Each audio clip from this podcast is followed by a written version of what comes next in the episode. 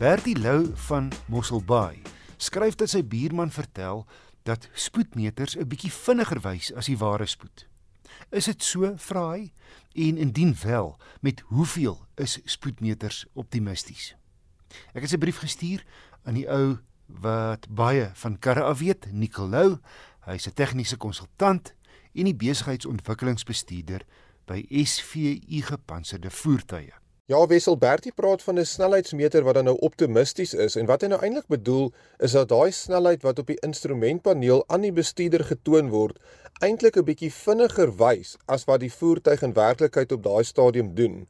Dit is natuurlik 'n wetlike vereiste om 'n voertuig in 'n mark te verkoop dat daai snelheidmeter op die beste 100% akkuraat moet wees of dan nou 'n bietjie vinniger sal wys as wat jy in werklikheid doen.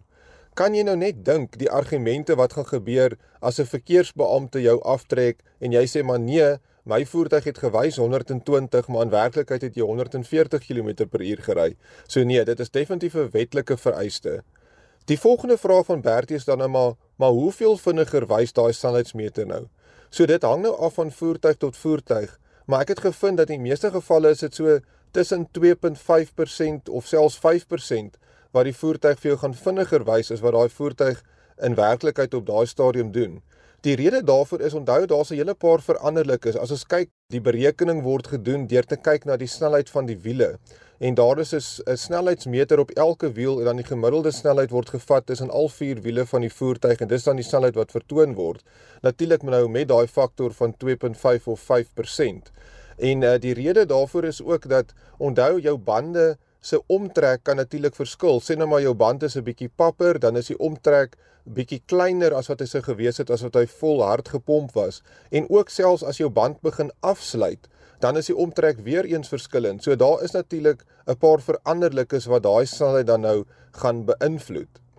Wat bietjie interessant sal wees, ek dink dat in die toekoms wanneer ons voertuie dan nou hierdie wat hulle praat van 'n connected car is, wanneer jy met die SIM-kaart gekoppel is, jy het jou GPS, kan dit miskien wees dat in die toekoms die voertuie dan na jou GPS spoed gaan kyk en wat presies dan 100% akkuraat is. Baie van ons luisteraars daar buite kyk in elk geval 'n bietjie na wat is die GPS spoed en wat wys die snelheidsmeter vir jou en dan kan jy sommer self bepaal hoe ver is daai snelheidsmeter uit al dan nie.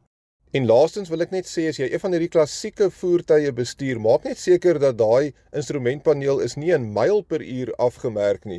Want as jy nou 60 myl per uur ry en die konstabel trek jou af en sê vir jou jy het 96 km per uur gery, gaan dit 'n groot skok vir jou en jou beursie wees.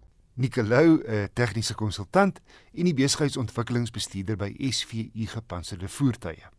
Stuur gerus enige motornavraag na wissel by rsg.co.za. Volgende week evalueer ek Mazda se nuwe BT50 bakkie.